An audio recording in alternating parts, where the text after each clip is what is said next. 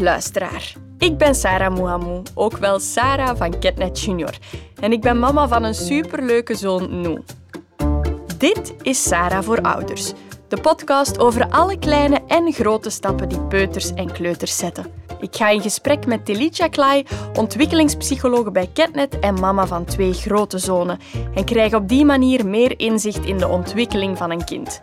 Er is ook de podcast Sokpops Eerste Keer en die is volledig op maat van kleuters gemaakt. Dag Telicia. Dag Sarah. Jij hebt twee jongens, hè? Ja, Luca en Renaud. Ja, ik heb er ook eentje, Noe. En je weet wat ze zeggen van jongens, hè? Ja, dat is een abonnement op het ziekenhuis. Hè. Allee, ik wil niet stereotyp klinken, maar in mijn geval is dat toch echt wel zo. Zo straf dat ik op een gegeven moment met hen heb afgesproken ieder om de beurt en maar eentje per jaar, alstublieft, om de stress toch wel laag te houden. Ja, dat vind ik een heel goede afspraak. Uh, we gaan het daarover ook hebben in deze aflevering. Met je peuter of kleuter naar het ziekenhuis gaan. Ik heb recent nog tot drie maal toe met Noe op spoed gezeten. En ik moet zeggen, hij was heel erg onder de indruk. En ik merkte dat hij ondertussen toch ook wel wat angst heeft opgebouwd voor alles wat er met ziekenhuis uh, te maken heeft. Hè. Dus nu vraag ik mij af, wat is de impact van een ziekenhuisopname voor een kind?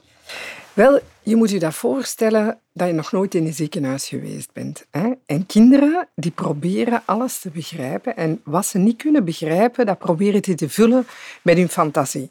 Dingen die ze nog nooit ervaren hebben, zaken waar ze onzeker over zijn, dingen die ze niet kennen. Hè? Ja, ze proberen zich daar toch een voorstelling van te maken. Dat doen volwassen mensen ook. Maar natuurlijk, de cognitieve mogelijkheden van kinderen, dus de wijze waarop dat ze denken, is nog mhm. niet zo uitgebreid als bij grote mensen. Dus die gebruiken die fantasie om die gaatjes in hun denken op te vullen. Je moet je voorstellen dat je nog nooit in een ziekenhuis geweest bent, dat je dat concept ziekenhuis ook niet kent. In een ziekenhuis is het meestal heel druk. Mensen lopen van links naar rechts. De lichten zijn vrij hard. Je hebt heel wat mensen in uniform. Dus ja, dat kan wel wat beangstigend zijn. Dat maakt u wel wat onzeker. Je hebt ook wel wat wantrouwen daarin. Hè? Dus die gevoelens heb je al bij aanvang. En als je dan nog niet allemaal begrijpt en je begint dat in te vullen met je fantasie, dan heeft dan een, kan je je voorstellen dat dat een hele grote impact heeft. Hè? Ja. Dus eigenlijk wat je best kan doen, of toch proberen te doen, is je zo goed mogelijk voorbereiden op het bezoek aan dat ziekenhuis. En jezelf goed voorbereiden betekent ook je kind goed voorbereiden, zodanig dat die niet alles in zijn hoofdje of in haar hoofdje zelf moet beginnen invullen. Daarnaast is het belangrijk, als je een kleutertje of een peutertje hebt, niet alles moet tot in detail uitgelegd worden. Kinderen in een lagere school hebben wel het denkvermogen of de cognitieve mogelijkheden om al heel veel te begrijpen. Bij heel kleintjes is dat niet zo. Dus bepaalde dingen moeten we gewoon als feit kunnen stellen en moeten we niet tot in detail uitleggen, want dat kan soms tot wat meer angst en onzekerheid mhm. zorgen. In de podcast Sokpops eerste keer in het ziekenhuis wordt Sokpop opgenomen omdat hij buisjes moet laten zetten omwille van terugkomende oorontstekingen. Dat is iets dat heel veel voorkomt bij jonge kinderen. Dus ik kan me inbeelden dat tips om hen voor te bereiden hierop handig kunnen zijn. Dus wat zeg ik tegen mijn kleuter en vooral wat zeg ik niet tegen mijn kleuter? Wel, Sarah, ik denk dat het belangrijk is van je kindje ten eerste op de hoogte te stellen over de ziekenhuisopname, dat er een ziekenhuisopname gaat komen en wanneer die plaats gaat hebben. Geen maanden op voorhand natuurlijk. Hè. Eh, dat gaat over maximaal een week, twee weken op voorhand, dat je zegt, dan gaan we naar het ziekenhuis. Mhm. Probeer ook goed uit te leggen wat dat betekent naar het ziekenhuis gaan. Dat betekent dat je niet naar de crèche of niet naar de kleuterschool gaat. Mhm. Ik denk ook dat het belangrijk is dat je aan je kleuter vertelt dat hij niet alleen naar het ziekenhuis gaat. Hè? Dat je meegaat of dat er iemand anders meegaat, maar zodanig dat hij weet, hè, ik ga daar niet alleen zijn. Dat is heel belangrijk. En dan, je moet jezelf natuurlijk heel goed op de hoogte brengen, goed jezelf informeren van wat er gaat gebeuren. Ehm, en er bestaat ook vaak een, een, bijvoorbeeld een plan van een ziekenhuis, dat je weet waar moet ik mij aanmelden, welke documenten moet ik bij hebben. Als ik met mijn kleuter die bepaalde dag zijn er voorbereidingen die ik moet treffen. Mhm. Ehm, ja, wat zijn de regels die moeten gerespecteerd worden de dag van de opname en zo verder. Dat je jezelf je dat goed informeert, zodanig dat je daar zelf ook rustig onder bent. En naar het ziekenhuis gaan is wat stressvol, ook voor jezelf. Dus als jij de nodige informatie hebt, ga je ook rustiger naar je kleutertje toe zijn. Ja. En dan denk ik dat het belangrijk is dat je een zo open mogelijk en eerlijk mogelijk gesprek met je kindje hebt over mhm. wat er die dag nu net gaat gebeuren. Ja, en uh, je zei het net al, heel veel informatie ook voor ons als ouder, heel veel regels. Welke regels moet ik nu met mijn kleuter meegeven? Hè? Moet ik uitleggen waarom ze nuchter moeten zijn, bijvoorbeeld? Of hoe ze in slaap gedaan worden voor een operatie? Ja, dat klopt. Hè. Sarah, er zijn heel wat regels en heel wat informatie die je meekrijgt. En je kan natuurlijk niet alles uitleggen aan je kleutertje. Hè. Ehm, dat zou ook wel helemaal overweldigend zijn. Maar ik denk wel dat er twee belangrijke tips zijn die ik wil meegeven. Ten eerste, uh, vertrek vanuit je kindje zelf. Als die vragen heeft of je merkt dat hij met iets bezig is, pik daarop in. Als je dus de lijnen leest in het spel dat hij speelt en je merkt dat hij bepaalde opmerkingen maakt over dat ziekenhuis, ga daarop in. Dat is heel belangrijk, dat je vertrekt vanuit de vragen van je kind. En daarnaast denk ik dat het belangrijk is dat je een aantal dingen uitlegt die sowieso gaan gebeuren tijdens de ziekenhuisopname. Bijvoorbeeld over dat nuchter zijn. Dat is zoiets. Uh, ja, je moet nuchter zijn. Heeft te maken met het feit dat je tijdens een operatie horizontaal ligt en dat ze door de narcose of de verdoving uh, een aantal van jouw organen ook gaan stilliggen.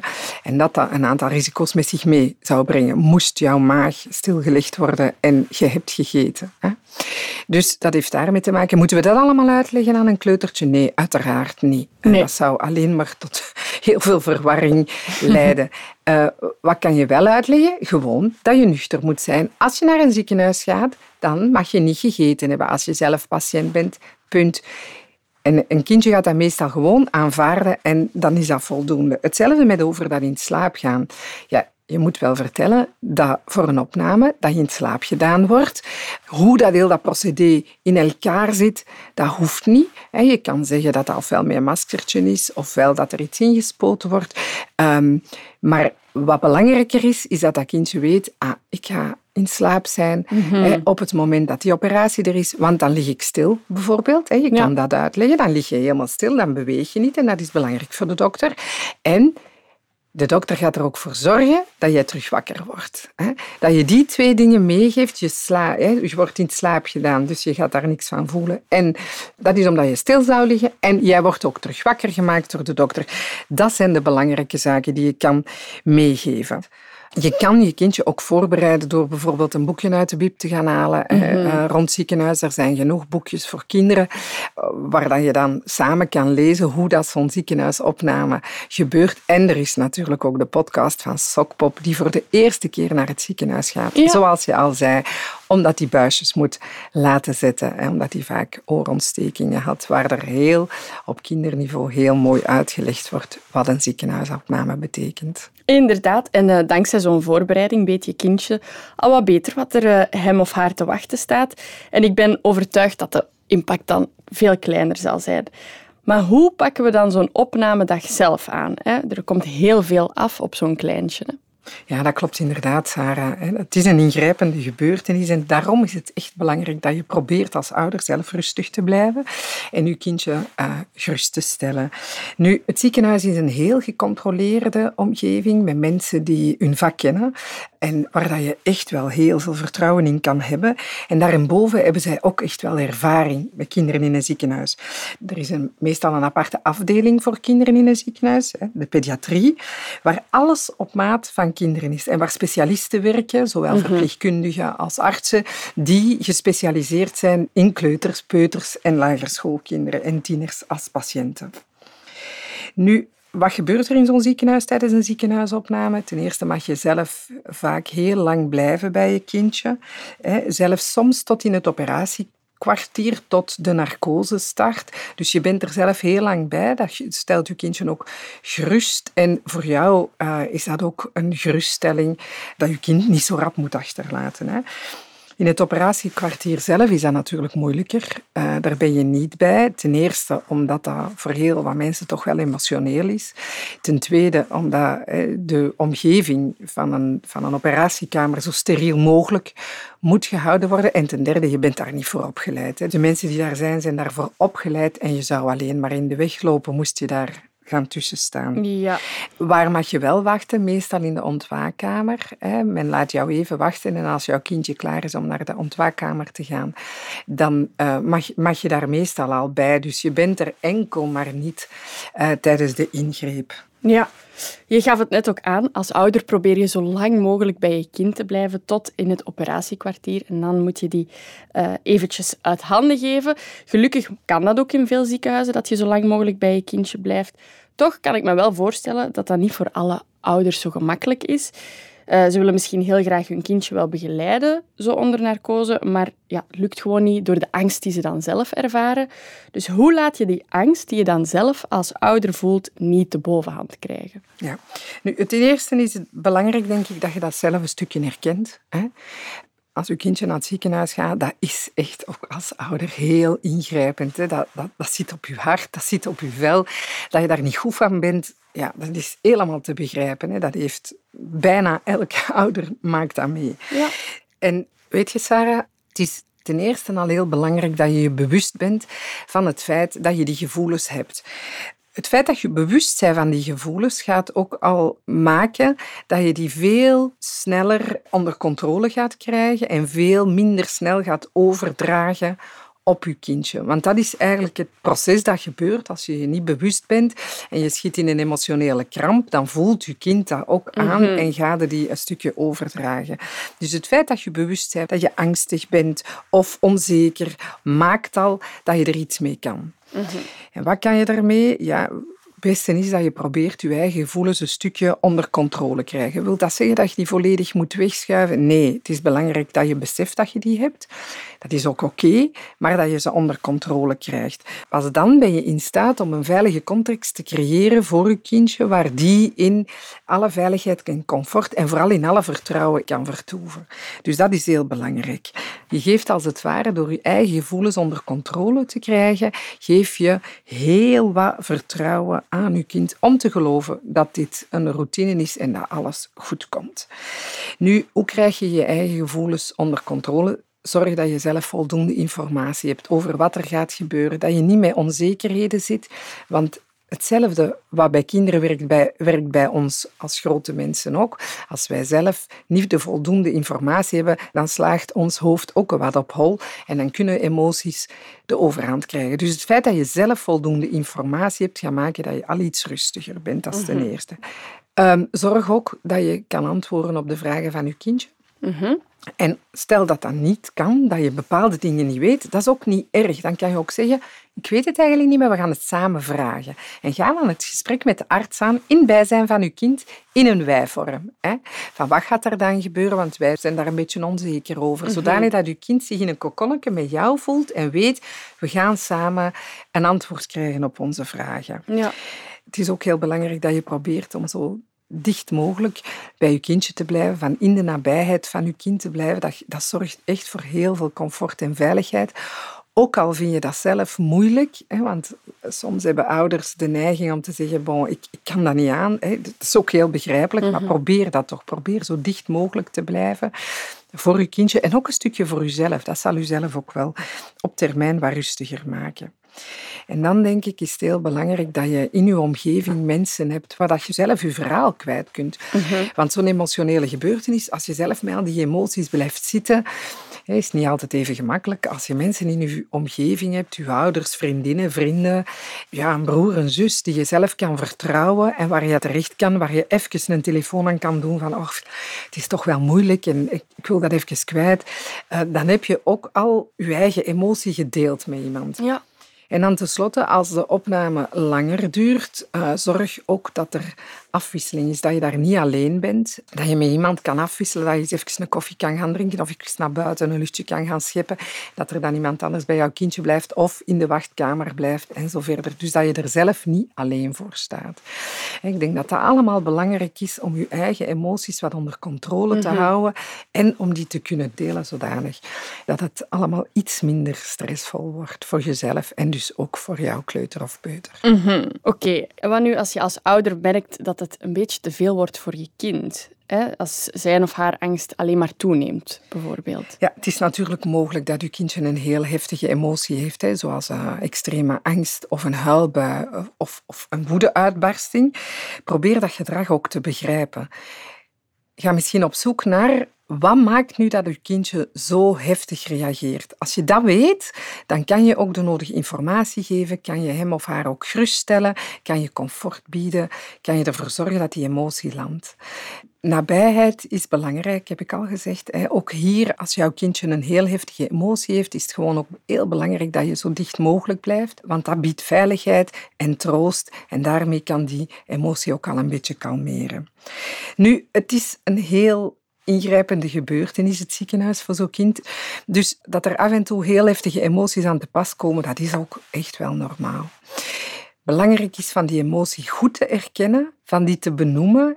Duidelijk bijvoorbeeld te zeggen, je voelt je heel verdrietig of je bent heel bang. Dat aan zich geeft al erkenning en maakt dat jouw kindje zich erkend voelt en zich veilig gaat voelen, waardoor die emotie gaat afzwakken.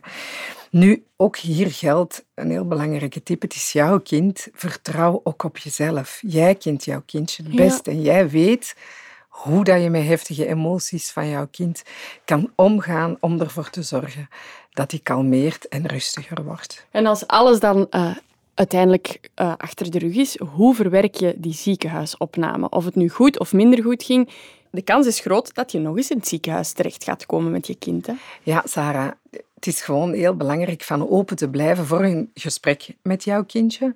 Dat hoeft niet de dag zelf, maar neem toch de ruimte en de tijd om na te bespreken, om die gebeurtenis af te ronden.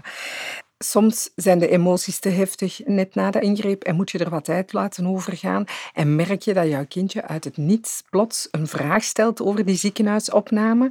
Ga daar ook op in en probeer in de mate van het mogelijke een antwoord te bieden op de vragen die hij nog heeft. Ja. ja. soms heeft jouw kindje nog vragen over net die periode van de narcose, van wat is daar dan gebeurd. Wel, je kan dat heel eenvoudig uitleggen door die periode te reconstrueren, natuurlijk op maat van jouw kind. Uh, bijvoorbeeld door te zeggen ja, de dokter heeft jou dan in slaap gedaan, heeft dan het buisje in je oortje gestoken of jouw buikje genezen. En dan, als alles voorbij was, heeft hij jou terug wakker gemaakt. En dat is helemaal voldoende opdat een kind een beeld zou hebben van wat daar in die periode gebeurd is. Mhm.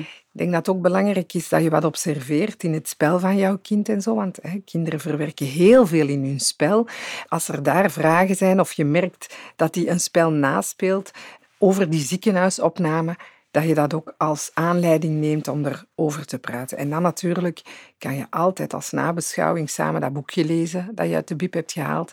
Of natuurlijk naar de podcast, samen naar de podcast van Sokpops eerste keer in het ziekenhuis luisteren, herbeleven en benoemen van wat die ziekenhuisopname nu juist voor jouw kindje betekende. Ja, inderdaad. En ik moet zeggen, de keren dat ik met uh, in het uh, ziekenhuis was, vond ik dat zelf ook heftig. Gelukkig was dat niet voor heel lang en kon Noe snel terug mee naar huis en thuis een beetje verder uitzieken. Maar er zijn natuurlijk ook kindjes die voor lange tijd in het ziekenhuis moeten blijven. En dat lijkt mij wel heel heftig. Hè? Ja, soms is je kindje ernstig ziek uh, of moet heel lang blijven om, om andere redenen. Nu, er zijn heel wat professionals in een ziekenhuis die jou kunnen bijstaan. Hè. Niet alleen jou, die uh, samen ervoor zullen zorgen dat ze je kind begeleiden door die mhm. moeilijke periode en die jou ook kunnen begeleiden. Hè. Dan heb ik het over in de eerste plaats de verpleegkundigen die daar zijn, die ervaring hebben en deskundigheid om jou bij te staan, maar ook natuurlijk psychologen die verbonden zijn aan het ziekenhuis en die met jou en jouw kind dat proces doormaken. Hè. Dus ik denk dat het heel belangrijk is dat indien jouw kindje voor een lange periode in het ziekenhuis uh, zal verblijven, van jezelf en je kind te laten omringen met professionals, hè, zodanig dat dat proces toch iets minder traumatisch hoeft te zijn. Ja, en jammer genoeg horen zo'n dingen ook bij het leven natuurlijk. Hè. Jazeker. En het leven heeft altijd zeer aangename, maar ook minder aangename dingen in petto. En ziek zijn hoort daarbij. Maar gelukkig in België hebben we toch wel heel wat deskundigheid. Hè? Chirurgen, artsen, verpleegkundigen, kinesisten, die er alles aan gaan doen om te zorgen dat wij allemaal beter worden als we in het ziekenhuis belanden.